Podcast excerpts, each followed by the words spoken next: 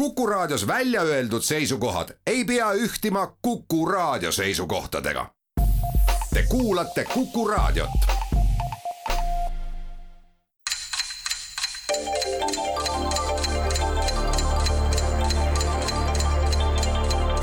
tarkade klubi targemaid küsijaid toetab lisateadmistega Postimehe raamatukirjastus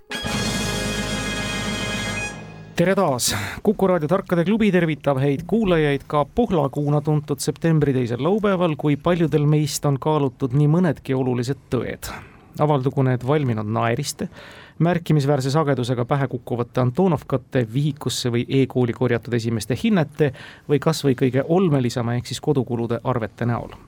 kõik nimetatu summa summarumine moodustab kahtlemata nähtuse, kus tegevusse paisatakse nelikümmend neli lihast, mis väidetavalt inimeste nägudel uskumatuid asju võivad korda saata ning vastavalt kogetule neid kas Da Vinci Mona Lisa või Munki karjamodellidele sarnanema panna. üldjoontes aga ja loodetavasti elame teadmises, et vahelduvad ilmad ning pulbitsev antotsüaniin teevad looduses oma töö ning muudavad elusorganisme värvilisemaks, mis omakorda võivad vallandada nägijatest tulvad, mille sarnast Puškin kord tundis, kui sügisel kogu oma loomenatuuril õitseda lasi see tunnetekülane sissejuhatus võimaldas saatejuhil need ära markeerida teadmise, et taaskord oleme Tarkade klubi stuudiotes võõrustamas häid pedagooge, õppejõude ja teaduse populariseerijaid, kes nädal tagasigi siin tegusid tegid.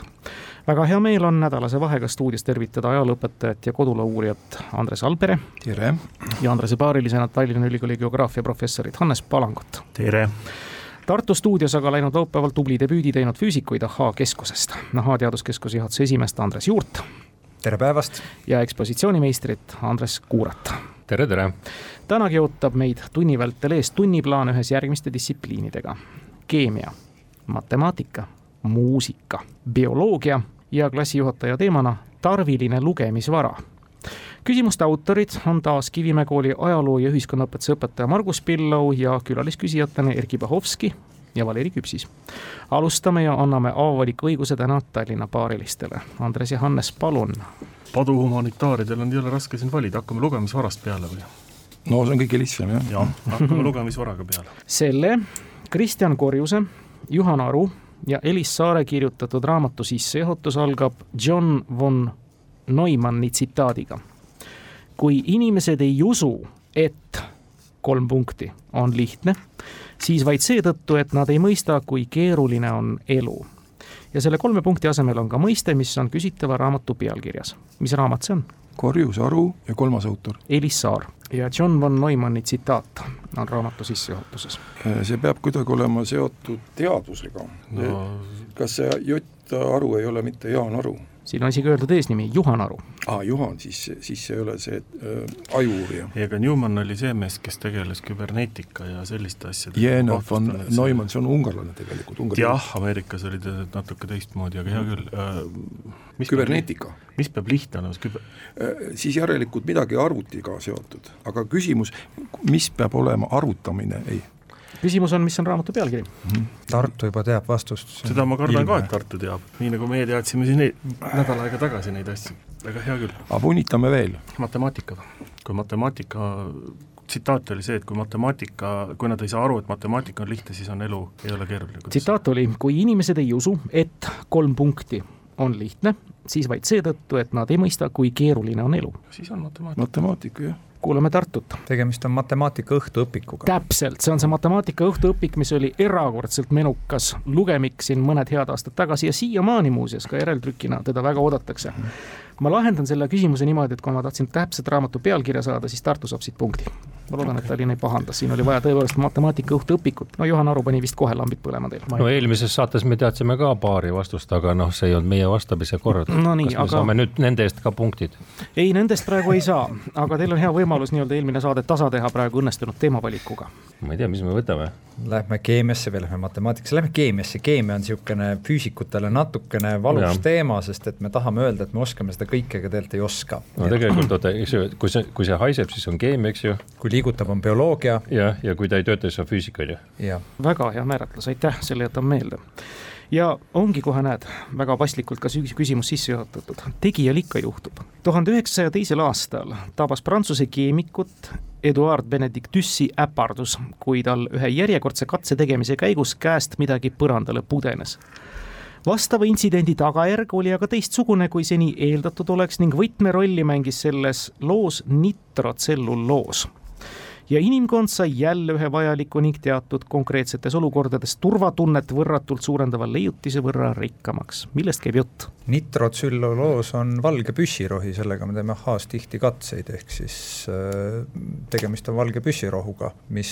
ongi suitsuvaba või, või, või noh, nii-öelda suitsuta püssirohi.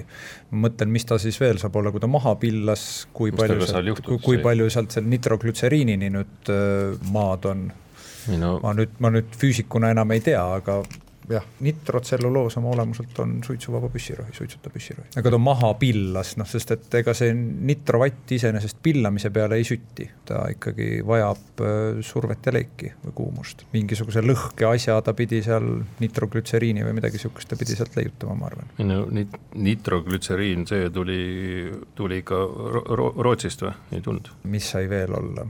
No ma ei tea, ma, mulle, mulle kõlab see nii-öelda nitrotselluloos kõlab nagu suitsuvaba püssirohi. kas see on teie vastus? paneme lukku, Kuure või, on julgust? meie rind on see noh, haavleid täis või? paneme lukku. jaa, siis ikka tegijal nagu ikka juhtub, nagu siin oli öeldud, see punkti nüüd kahjuks ei too, aga me saime palju teadmist juurde, millega tehakse Tartus pauku. palun, Tallinna humanitaarid küsimuses oli mingi sõna selle kohta, et kukkus põrandale ja leiutati midagi turvalisust sellega seotud mm. -hmm, just, ühe katse tegemise käigus midagi pudenes põrandale ja vastava intsidendi tagajärg oli teistsugune, kui seni oleks eeldatud ja võtmerolli mängis selles just nitrotselluloos. inimkond sai jälle ühe vajaliku ning teatud konkreetsetes olukordades turvatunnet võrratult suurendava leiutise võrra rikkamaks. kui ta põrandale kukkus, järelikult kas ta sai näiteks märjaks, kuidagi paralüseeriti ma ei kujuta isegi ette, tartlaste vihjed isegi ei suuna mind praegu, et kas ta on pulber, on ta mingisugune tomp, on ta mingi vedelik no, meie täna, me, täna teame, mis asi ta on ja kui see turvalisuse kaarti käia, siis me segame teie vastusele vahele, et tegemist on vatiga tegelikult. Te võite seda julgemaltki teha, siin mängus on alati koostöö väga et, et äkki, äkki, äkki oli hoopis asi tagurpidi, et äh, leiutati vatt äh, nitrotselluloosist, mitte vastupidi. et nii-öelda selles mõttes seesamane mida me täna tunneme apteegivatina. äkki käis asi vastupidi, et hoopis saadi polstermaterjal. vot see on see koht, kus ma nüüd vajangi humanitaariabi, sest ma ei tea ajalugu, ei tunne.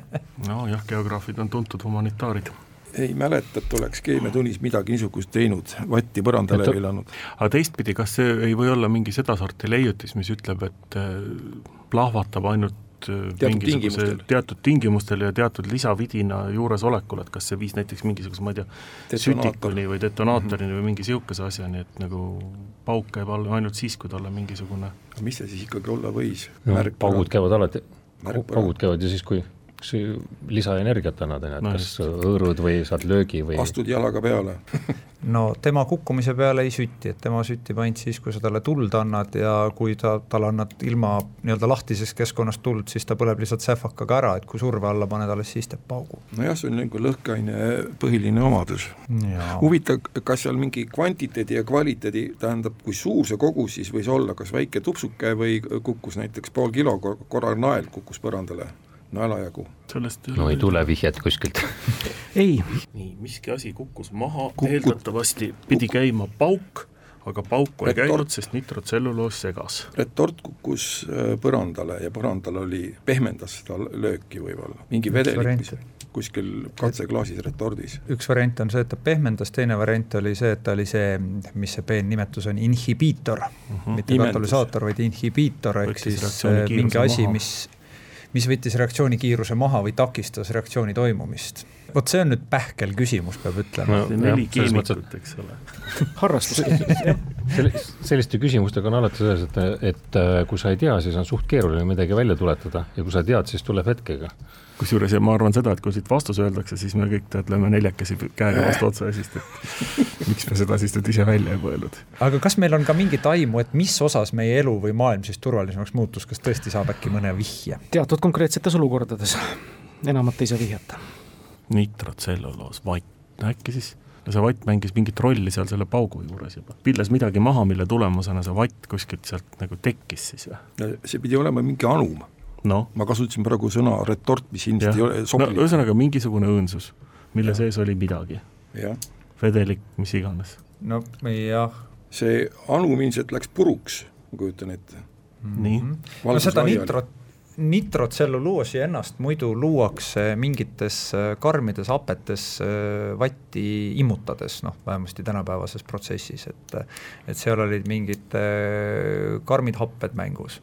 küsiks siis teistpidi, et nitro, nitro, kas see nagu viitab natukene mingile naerugaasilaadsele tootele või? ei oska öelda, kui teaks siin ma ütlen ausalt, ei tea.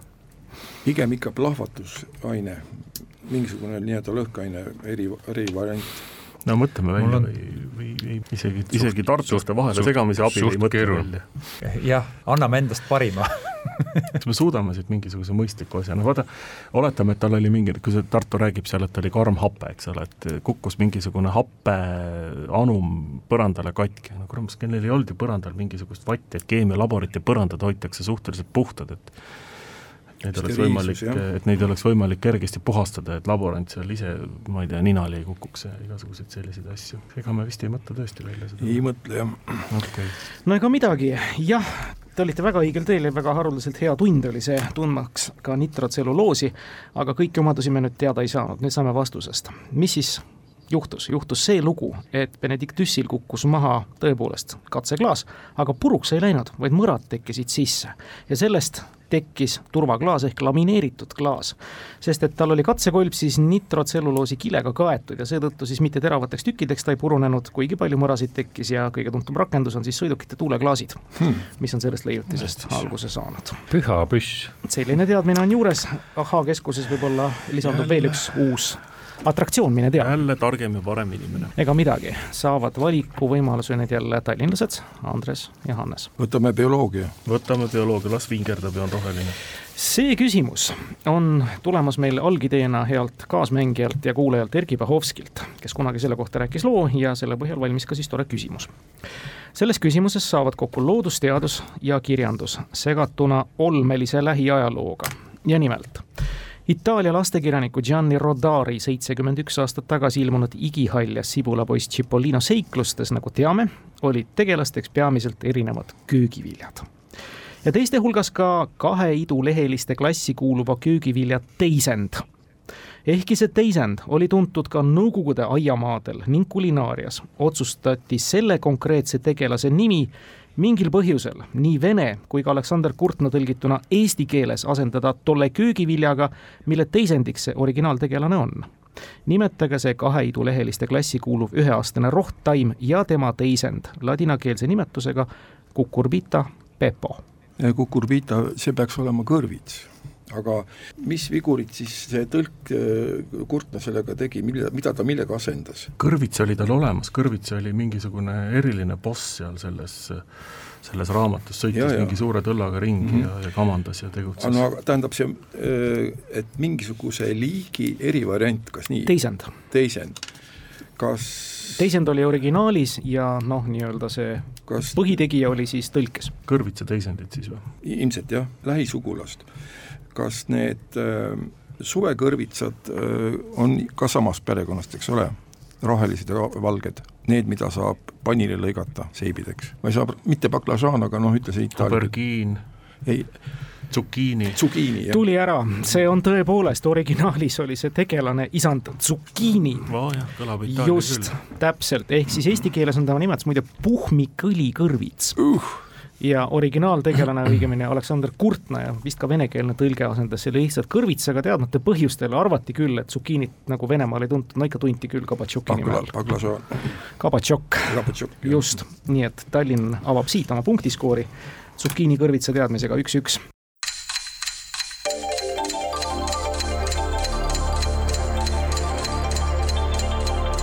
tarkade klubi targemaid küsijaid toetab lisateadmistega Postimehe raamatukirjastus. Tartu Andresed, teie valik no.. kas lähme matemaatikasse või lähme muusikasse kui sa võtad muusika, siis sa saad bioloogia, kui sa võtad matemaatika, siis sa saad keemia, lugemisvara võtad, siis saad. Te olete alles teises saates, aga suurepäraselt juba jagate mänguloogikat mis me võtame siis? no lähme matemaatikasse, vaatame, mis seal leiab. on muusika. vähem kui kolme aasta pärast, kahekümne neljandal juulil kaks tuhat kakskümmend viis tähistatakse asjaomastes ringkondades üle kogu maailma tähtpäeva, mis ühele matemaatikaalasele mõistele on pühendatud ja üldsegi mitte juhuslikult nimelt antud kuupäeval, meenutame kakskümmend neli juuli kaks tuhat kakskümmend viis. tõsi küll, teatud mööndustega põhjenduses, aga igaühele arusaadavalt põhimõtteliselt ikkagi. täpselt sama sisuga tähistamine oli eelmisel korral kuusteist detsember kaks tuhat kakskümmend. mida matemaatikas märgilist vastavatel päevadel siis esile tõstetakse ja väärtustatakse ning miks missuguse loogika alusel? Vau, ja saime ka ajaloo küsimuse või veel keerulisema küsimuse, ma isegi ei tea, mis distsipliinile see küsimus allub. matemaatika, päris ausalt. tähtpäevad, tähtpäevade küsimus. kalender. puhas matemaatika, võib-olla ka loogika. mis juhtub kahekümne neljandal juulil oli see jah mm? -hmm. või siis kuusteist detsember, detsember.. see on täiesti mm, tavakalendri mõistes äh, ebaolulised kuupäevad, sest nad nihkuvad siin ju niisugune viis kuud aasta sees ja kakskümmend viis aastat. kas siin võib olla pistmist mingisuguse orbitaalliikumisega, kus meil asjad käivad midagi, midagi kuskil joondub või paistab või midagi kelleks sellega tegeles, Euler tegeles sellega, ellipsitega, mis seal veel olla saab? miks seda tähistama peab? noh, vot see on keeruline küsimus sellele teadus vist ei vasta. nüüd on see koht, kus tallinlased olete oodatud vahele segama. oot, oot, mõtle veel, mida sa sel, sel aastal näiteks juulis tegid ja detsembris? eelmisel aastal? tüüpiliselt siis, kui on puhkuste periood, siis teed eh, kodus neid töid, mida naine käsib teha et matemaatilisi pidusid ma ei ole pidanud, pean tunnistama. ja see on matemaatika küsimus, jah? täiesti puhas küsimus. matemaatika küsimus. liitmispidu, no kui me kõik siit kokku liidame, no siis see on esoteerikapidu, kui me kõik hakkame kokku niitma, see no, ei jah. ole nagu noh, jõuame sinna numeroloogiasse välja, et see nagu ei see ei oleks nagu matadistsipliini nime väärt noh, numbritega võib igasuguseid tehteid teha, see on no. alati matemaatika. no oleme ausad mis..., see, see siin juba tegelikult moodustab arvu ja lausa mitu. ma praegu olen täitsa jännis. see, see oli isegi, see pole isegi, pole isegi juunikuu, see on juulikuu, eks ju. ma nii palju ja... tulen teile vastu, armsad füüsikud, kuna te olete tõesti füüsikud, mitte matemaatikud, ma lihtsalt küsin, mida matemaatikas märgilist siis vastavatel päevadel esile tõstetakse ja küsimuse teist poolt noh, selle vastust ma isegi ei nõua mitte. see pool, et millise loogika alusel.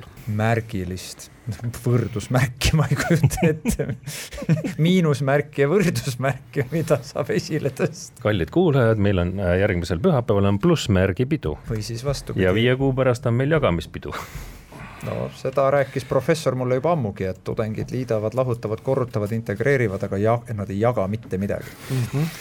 no see käib praegu hetkel meie kohta. kuidas saab matemaatika, mis võib matemaatikas tähtsat juhtuda? märgilist, matemaatikas, kas seal üldse midagi märgilist juhtub, matemaatika on kõige puhtam distsipliin üleüldse nagu, seda isegi mõningates äh, klassifikatsioonides ei taheta loodusteaduseks või noh, teadu-, nii-öelda loodusteaduseks defineerida, sest ta loodusega otseselt ei tegele. kuule, aga me kisub nagu väga poliitikute vastuseks juba, sest midagi ei tea, aga muudkui jaurame. et anname sõnajärje Tallinnasse. absoluutselt, see oleks väga aus. kena, Tallinn võtab, ma ei ütle kõige suurema tänuga, aga siiski vastu. Tallinn on vait ausalt öeldes. märgid, kuskil viimase kolmveerand aasta jooksul on olnud ühes mingis levimängus, võib-olla näiteks Memo turniiris, on küsitud, et mingi Walesi pastor võttis kasutusele võrdusmärgi aga oota, seda ei saa kuupäevaliselt minu meelest tõestada. oota, aga oota, oota, oota, oota, oota, seda viimati tähistati, see oli, ma kirjutasin õigesti. kuusteist detsember kaks tuhat kakskümmend. kakskümmend, see on siis natukene üle nelja ja poole aasta on seda vahet. umbes tuhat viissada päeva siis või? no mis me selle peateadmisega peale hakkame? mis need matemaatilised mõisted üldse on? see oli märgi, oota, mis see oli, märgi aasta tähtpäeva küsiti?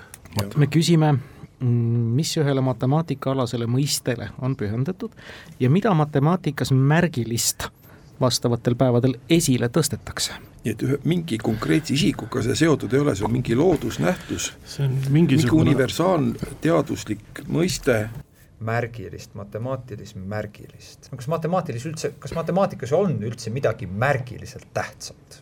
matemaatilise mõiste tähtpäev on meil ja siis on mingi märgilist esiletõstmine kinni kiilunud täiesti. Summa, vahe, jagatis, jagatav, oh joh, ei tea, neid mõisteid on ju lõputult palju, noh, mitte lõputult, loendatav kogus siiski, aga kas see võib olla kuidagi lõpmatusega seotud äkki? lõpmatuse mõi-, sissetoomine ka revolutsioneeris matemaatikat omal ajal. ja see kordub iga nelja, nelja ja poole aasta tagant. Ei, ei kordu! Olümpiamängud olümpiarõngad kas see võib olla seotud mõne teadusrahastusega? Ei tule siit vist valus teema, aga jah, läheb juba kaugele. ära. aga, aga, aga ikkagi järsku siit ikkagi tuleb mingisugune, et seda kahtekümmet nelja järsku ei ei liidaks kokku, et see ei ole mitte kuus, seitse, kahe, üheksa siit sellest kuupäevast järsku kuidagi võtab niimoodi, et äh, seitse ja kakskümmend neli ja Te olete õigel teel, ma nüüd lõpetan. Need piinad, Tallinn vangutas pead ja heitis kinda. Te olite lähedal ja arvutama hakkasite õiges suunas, see on Pythagorase teoreemi päev. Hmm.. täisnurkse kolmnurga külgede kohta käiva teoreemi valem on teatavasti A-ruudus pluss B-ruudus võrdub C-ruudus. Ja see printsiip rakendatakse antud juhul siis tehtele, milles on kuupäev kuu järjekorranumberi aastaarvu kahest viimasest numbrist koosnev arv. tegin praegu kontrollarvutuse, kõik pidas paika, kakskümmend neli ruudus liita seitse ruudus võrdub kakskümmend viis ruudus ehk kuussada kakskümmend viis. ja järgmine või eelmine, siis kuusteist detsember kaks tuhat kakskümmend oli keeruline, aga vähemasti me saime teada, et tähistatakse väga olulisel määral ka sellist päeva, kui on Pythagorase teoreemi päev. hea oli meelde tuletada mis me sellest järeldame, et äh, ähm, me arvutame kümne piires, kui numbrid lähevad suuremaks või arvud suuremaks, siis äh, läheb keeruliseks.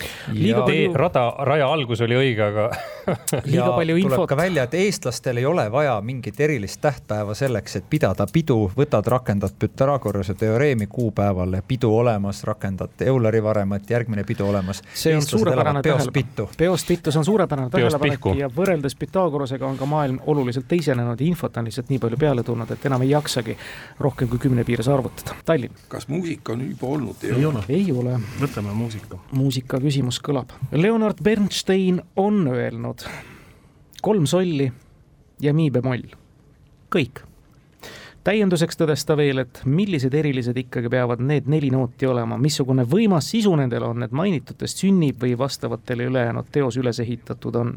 Küsimus kõlab, millise helilooja, milline teos Morse tähestikus muide tähistab vihjatud noodirida ladina V-tähte ja Teise maailmasõja ajal omandas vaatluse all olev heliteos liitlaste jaoks nii ka Victori tähenduse. kolm solli ja mi bemoll, klassikaline solfeggio. Mis see Morse tähestikus oli, V-täht? jah, antud noodirida moodustas siis V-tähe. Bernstein oli, Leonard Bernstein oli sündinud tuhat üheksasada kaheksateist, Teise maailmasõja ajal oli ta noormees, aga sõjast ta vist osa ei võtnud, nii et see on üks kummaline seos praegu ja aga see ei ole tema, äkki see on Beethoven. ütle peal pala nimi siis ka.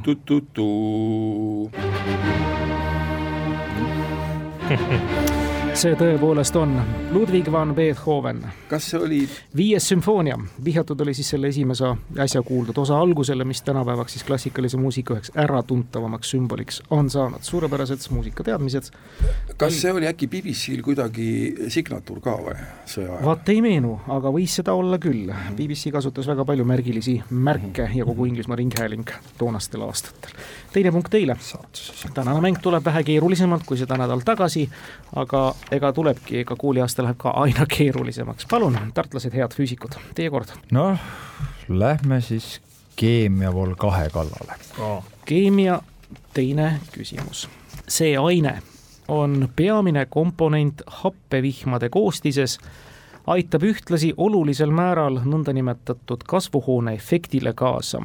samal ajal ka loodusmaastike erosiooni soodustab, samuti paljude metallide korrosiooni ja roostetamist ning elektririkkeid põhjustades loetletud probleemidele ja ohtudele vaatamata kasutatakse seda sageli muuhulgas tööstusliku solvendina tuumaelektrijaamades vahtpolüstürooli valmistamisel ning ühe märgilisema funktsioonina teatud kiirete oksüdatsioonireaktsioonide retandardina kõlab nagu vesi. Lähme edasi.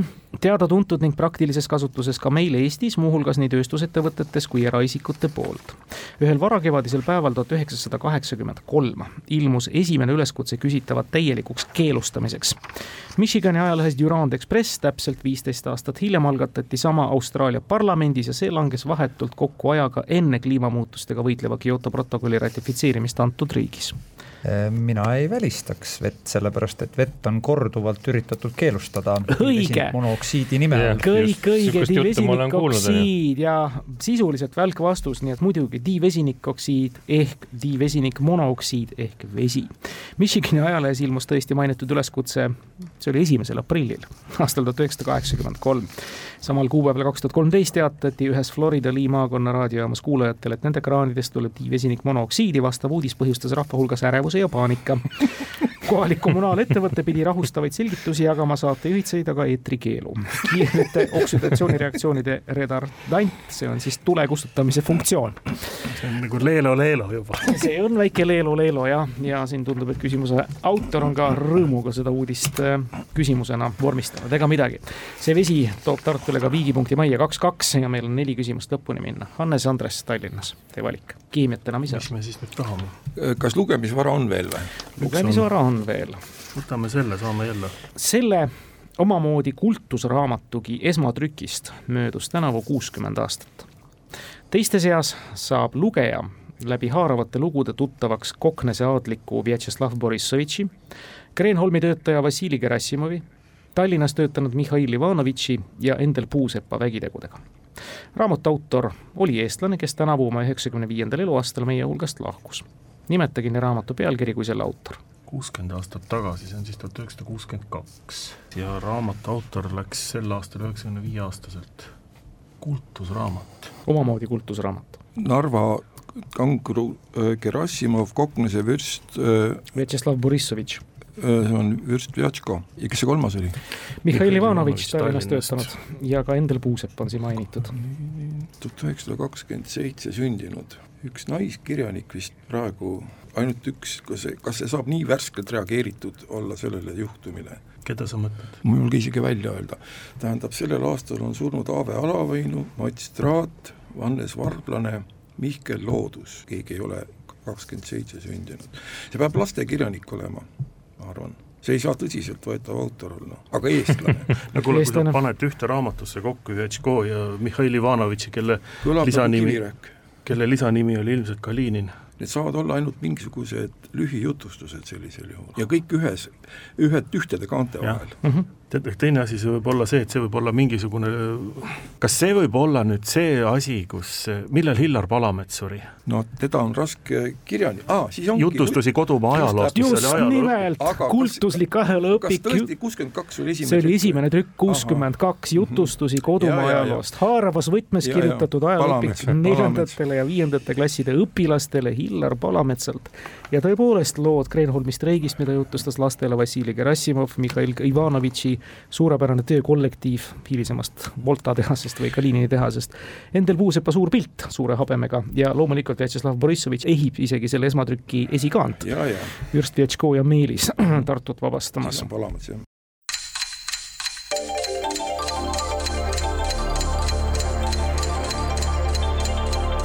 tarkade klubi targemaid küsijaid toetab lisateadmistega Postimehe raamatukirjastus kolmas punkt Tallinn, Tartu saab jõudsalt järele tulla. raamatud keemia on läinud, aga muuseas on veel valikut. Nonii, matemaatika, muusika ja bioloogia on veel jäänud. just siis me võtame selle rohelise või, või võtame selle, mis kõlab või? Lähme sinna, kus on lootust, lähme matemaatikasse, Pythagorast me ei teadnud ei, hakkas tulema. kas me selle eest poolt punkti ei saa? Noh, see jäi natuke kasinaks, see väide, iseäranis, kui ma teie arvutamist hakkasin kuulama. me alustame sellisest kohast kui McDonalds. oma toodanguga on meie jaoks Ameerika kiirtoidu peamine sümbol, kuigi muidugi teame, et taolisi ettevõtteid sellel korralikke kõhutäisi armastaval tarbimisnautlejate maal paljusid on. ja tuhande üheksasaja neljakümnendal aastal asutatud McDonaldsist veel vanemaidki. üks nendest on tuleval aastal sajandi vanuseks saav A and W eestikeelses kirjas siis A ja kaksik V tuhande üheksasaja kaheksakümnendate aastate hakul korraldas A&W kampaania enda hamburgeri läbimüügi suurendamiseks, mis McDonaldsi sama tooteliigi analoogist tollal veidi odavam oli, arvestades osa ostjate arvates maitsvam ja mis peamine, märgatavalt rohkem liha sisaldas. ning vastav lihasisaldus võistlejaga võrreldes toodi kampaania käigus ka konkreetselt ja reljeefselt välja ent ometi eelistati tegelikkuses massiliselt ikkagi McDonaldsi produkte ning selgus, et taolise tarbimisvaliku tegemisel ei olnud suure hulga inimeste jaoks motivaatoriks mitte firma truudus, maitse-eelistus või harjumus, vaid osutatud reklaamiga tutvumise käigus sisse lipsanud teatud eksimusele põhinev valearvestus, mis omakorda matemaatika nõrgast tundmisest tulenes. ja milles oli asi? see on midagi, mis Eesti koolides meie matemaatika õppekava järgi juba algklasside kursuses selgeks tegema peaks. See, see küsimus paneb näo, näo naeratama. olge head. paneb, tunnistan. paneb naeratama jah, ja nad ei arvestanud inimese jah psühholoogiaga ja sellega, et nad matemaatikat ei jaga nii hästi. jah, eh, McDonalds minu teada tõi oma turundusse sisse väga tugevalt sellise mõiste nagu eh, keskmine eine. sa ikka tead seda? Räägi, räägi. ei no mis ma siin räägin, on ju, ütleme sellest on, et inimesed jaganud äh,, murdusid ei jaganud, nad ei saanud aru, et äh, milline number on nagu suurem kui äh, ja milline on väiksem väga õige, see on õige vastus ja tegemist oli tõepoolest sellise murulise ja ameeriklaste väga kehva matemaatika tundmisega. A&W toodete reklaamis välja toodud lihasisalduseks öeldi üks kolmandik McDonaldsi üks neljandiku vastu. murdarvusid mittetundvad tarbijad arvasid aga, et kuna neli on suurem kui kolm, siis järelikult McDonaldsi burgeris on rohkem liha. vaat nii, see toob tõesti naeratuse näole, Pythagorasega olete ennast äh, tublisti rehabiliteerinud, murdarvusid te tunnete kolm punkti Tartu, kolm Tallinn, väga vahva tasavägine mäng, lähme edasi, muusika ja bioloogia, emba-kumba, Andres Annes. no kumma võtame? Bioloogia. võtame bioloogia. nagu kunagi siingi saates märgitud, tegelikult korduvalt märgitud, on üks levinumaid mälumängude klišeesid see, et ei saa ükski mälumäng ilma linnu küsimuseta. seega ta siis nüüd kooliaasta ühes alguse mängus ka eriti asjakohaselt kõlabki. me küsime ühte lindu, mis oma kuni kuuekümne viie sentimeetri pikkuse ja kilose raskusega on suurim värvuline ilmselt on ta ka värvulistest üks enim mütologiseeritud, alates piiblist, kus ta andnud kord Aadamale nõu, kuidas matta poeg Aabel, või loode Põhja-Ameerikas elanud rahvastele, kus ta täitis triksteri rolli. nõu andvana on küsitav lind esindatud ka Kalevipojas ja kõige muu hulgas on ta ka Bhutani rahvuslind. vaat kuhu me jõuame, nii klišee küsimus, et me küsime Bhutani rahvuslindu rong, rong peaks suurem olema, vares on väiksem. jah, see on ronk, välk vastus ja me tunneme linde ja värvulisi väga hästi, tõepoolest. humanitaaride värk. humanitaaride värk täpselt ja usun, et Tallinna ornitoloogid on teiega rahul palun, nüüd jääb nii, et Tartu saab kuulda muusika küsimust, kui hästi läheb, siis ka muusikat ennast ja vaatame, kuidas see mängu lõppseis meil jaotub hiljuti poseeris oma sotsiaalmeedia konto tarvis Krimmis Jevpatoria lähedal üks vene suppelsaks, et enda isikut huvitavaks teha. Ja rohkem laike koguda, tegi mees seda siis õhutõrjesüsteemi S400 taustal.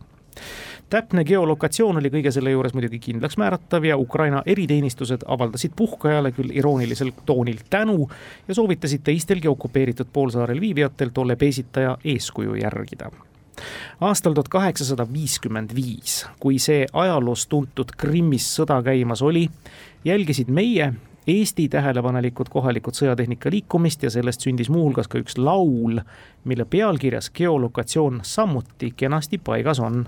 Me küsime, mis laul tegelikult on selles juttu Tsaari-Venemaa vastu sõdinud riigi vahenditest, mida originaalversioonis Inglismannide masinateks kutsuti.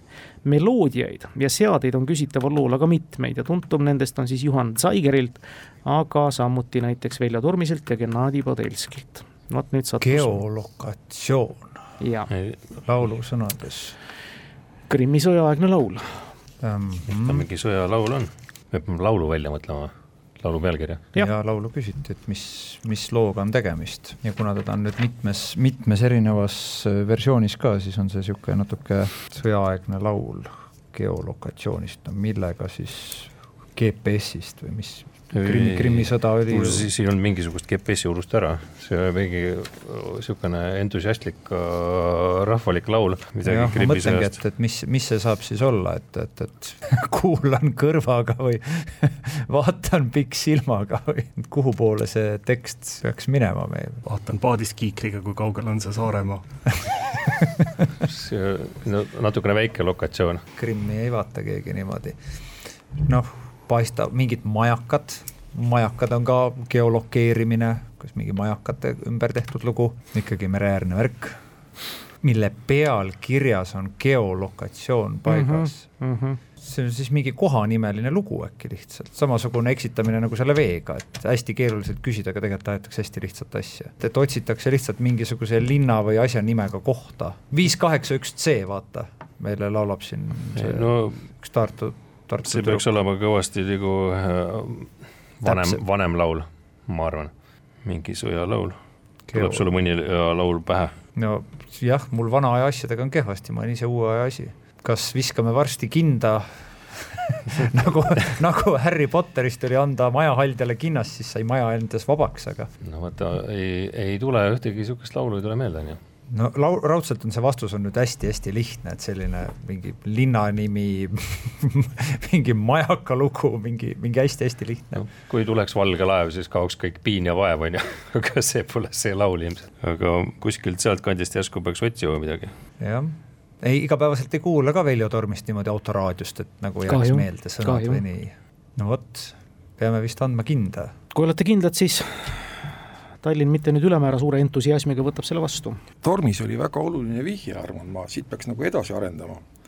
mul tuleb ainult üks selline sõjalaul, aga see ei ole mitte Krimmi sõja, see on järgmine Vene-Türgi sõja. Traas, traas, trikali, trikaria, allalla, aga seal ei ole mingit geolokatsiooni. no vaata, tuhat kaheksasada viiskümmend viis oli, eks ole, ja teine asi oli siin, et räägiti mingisugusest Inglismannide masinast seal küsimuses see ei saanud olla kuulipilduja. see ei olnud kuulipilduja, see võis olla heal juhul kas nad võisid näiteks kasutada helgiheitjat? aga mis asi siis, balaklaava helgiheitja või? Simferoopoli aurik, Sevastoopoli? kas nad võisid kasutada, no mingisugune geolokatsioon? ei no linna nimest ilmselt siin piisab või noh, umbes sedasorti asi nagu, kuidas Balakla... Prantsus Moskvas käis. Balaklaava on ju kiivri tüüp, no see ei ole geolokatsiooniga kuidagi seotud. mis võis olla, mis võis olla tuhat kaheksasada viiskümmend viis Inglismannide masin, mis, mis laulumeistri tähelepanu äratas? kas auruvedur Eestisse tuli tuhat kaheksasada seitsekümmend, eks ole, tuhat kaheksasada viiskümmend viis ei saanud olla, aurik võis neil olla juba. aurikud kindlasti olid. üks aurik sõidab täna Viljandi, väljub täna Viljandist ja sõidab Türi kaudu Hollandi mulgi kuues meremehed. geolokatsioon, geolokatsioon, äkki ikkagi mingi, mingi tehniline vidin, mis oli selleks ajaks nagu noh, kuum, kõõm sõna. ei, tehniline vidin pluss linna nimi plus või koha nimi ja tormis mis tehnikaasjad üldse olemas olid, suurtükid olid. aurulaevad?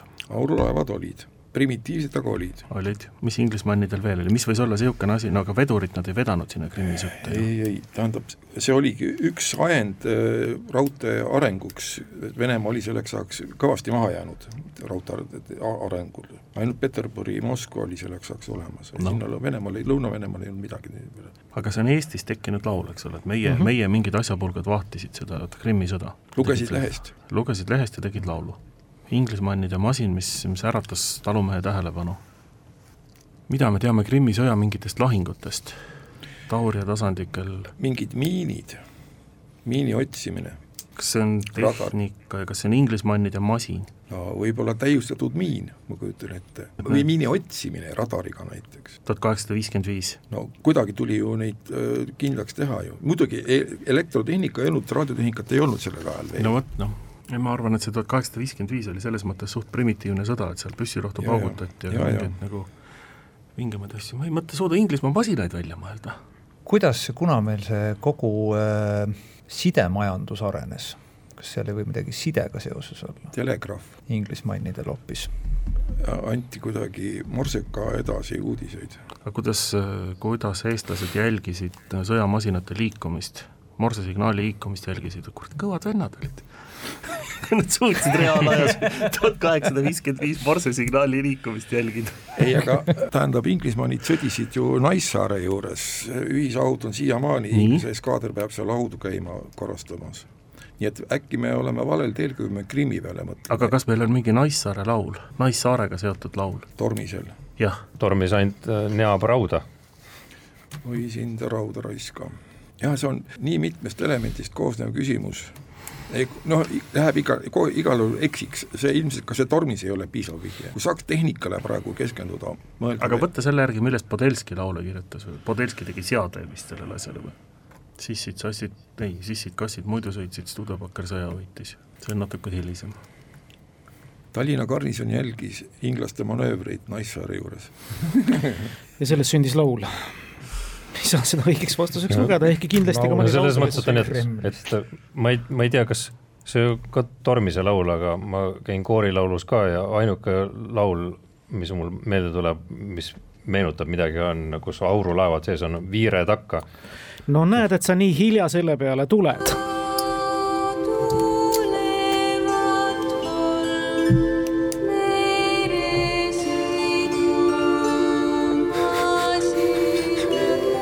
Kolm meresõidumasinat viire taga seistes seal, kolm suurt laeva ankru peal, viis minuti ja üks tund oli Aro Orissaares üle mere Kuressaares, juba kuulda postikellad, kaugelt näikse suured tõllad, Inglismanni masinad, kõik viire taha tulevad. viire takka Saaremaal, kus siis laul üles kirjutati poolt vaadates Viirelaiu suunas tulid Briti sõjalaevad, mis väljendas sisuliselt seda, et Kroonlinna ja Sveabori varjunud Vene flotill Riia lahe ja Väinamere ülekontrolli oli kaotanud. vastav olukord ei kestnud kaua ja Briti aurulaevade Riia lahe dessant püsivat okupatsiooni kaasa ei toonud. see laulu tekst on aegade jooksul muidugi muutusi läbi teinud ja praegu on esialgse variandiga võrreldes lühem ja lihtsustatum sisuga. see, et sul see meelde tuli, on muidugi hiilgav no, ja ma ega ma siiamaani ei saa aru, kuidas see õige vastus on, aga no, on ikka, see Viire on. Viire takka ongi selle laulu No, nimi. füüsikud ja lüürikud, eks ole, pole seal mingit vahet. nii et peaaegu viik, tänase mängu skoor läheb küll protokollidesse kirja neli-kolm, aga lisame ka tartlaste nii-öelda huumoripunktid juurde ja selle viimase peaaegu teadmise, siis loeme selle mängu ikkagi suht viigiliselt lõppenuks, kõik on nõus. aga milles me vajame ka nõusolekut, on teie poolt siis valituna ka parim küsimus. seesama viimane oli tegelikult no see viimane oli ikka päris, ja jah. minu meelest see Palametsa küsimus oli hea küsimus. jutustusi kodumaa ajaloost ja Viire takka. ja tegelikult oli ka Cipollino oli hea küsimus. nii et võime Erkki Bahovskilegi saata võib-olla siit. andke mu edasi-tagasi just, ega midagi, siis said siin parimad küsimused välja nopitud suur,, suur-suur tänu, Tartu Ahhaa keskuse füüsikud Andresed. Teile edu, jõudu, palju külastajaid, särasilmseid noori teadlasi Ahhaa keskusesse loodetavaste peatsete kohtumisteni ka siin Kuku raadio Tarkade klubi eetris. ja Hannes Palang, suur tänu sulle, Andres Alpere, suur tänu ka sulle tulemast, teile ka ilusat septembri jätku ja uute kuulmisteni. hoolega hoitud auhinnad toob kohale Smartpost Itella hea Tarkade klubi kuulaja, lõpetame saate taas kuulajamänguga, mida toetamas väärtraamatuga kirjastus Avita. selleks väärtraamatuks on Vana-Rooma argielu entsüklopeedia. selle pälvib nüüd üks headest kuulajatest, kes võttis õigesti vastata eelmisel laupäeval kõlanud küsimusele, kus palusime lõpetada üks Oscar Wilde'i tuntud tsitaat, kus kirjanik lahterdas ealist arengut. noored teavad kõike oli see tsitaadi lõpp, mida kuulajatelt ootasime ja mida üsna hästi ka teati. sellest annavad märku seitseteist saabunud õiget vastust. ja kõige õigesti vastanute vahel naeratas loosiõnn kuulaja Kristel Simsile. palju õnne, teiega võtame ühendust. uus nädala küsimus toob ka ühele õigesti vastanutest sellesama Vana-Rooma argielu entsüklopeedia küsimus ise aga on folkloori ihtioloogia valdkonda kuuluv ja kõlab järgmiselt. üks Araabia legend kõneleb sellest, et kord praadinud vaene prohvet Musa pannil kala. paraku ei olnud tal õli piisavalt palju. kala ühe külje sai Musa praetud, aga teine külg jäi tooreks. prohvet vihastas ja viskas oma pannitäie kõigetäiega merre aga praetud kalake jäi ellu ning sulpsas minema. küsimus kõlab, millist kala praadis Musa? tegemist on kiiruimsete klassi kuuluva parvekalaga, kes on ka tegelikult väga vastupidav, võib liikuda ka riim- ja ka magevees ning elada kuni neljakümne viie aasta vanuseks. ootame vastuseid aadressil tarkadeklubi at kuku punkt ee või tavapostiga aadressil Tartu maantee kaheksakümmend Tallinn Kuku raadio Tarkade klubi. samadel aadressidel on oodatud ka kuulajate küsimused saates mängivatele tarkadele. tänaseks lõpetame, kuulmiseni.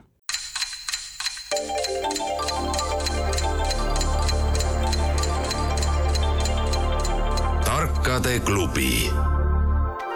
targemaid küsijaid toetab lisateadmistega Postimehe raamatukirjastus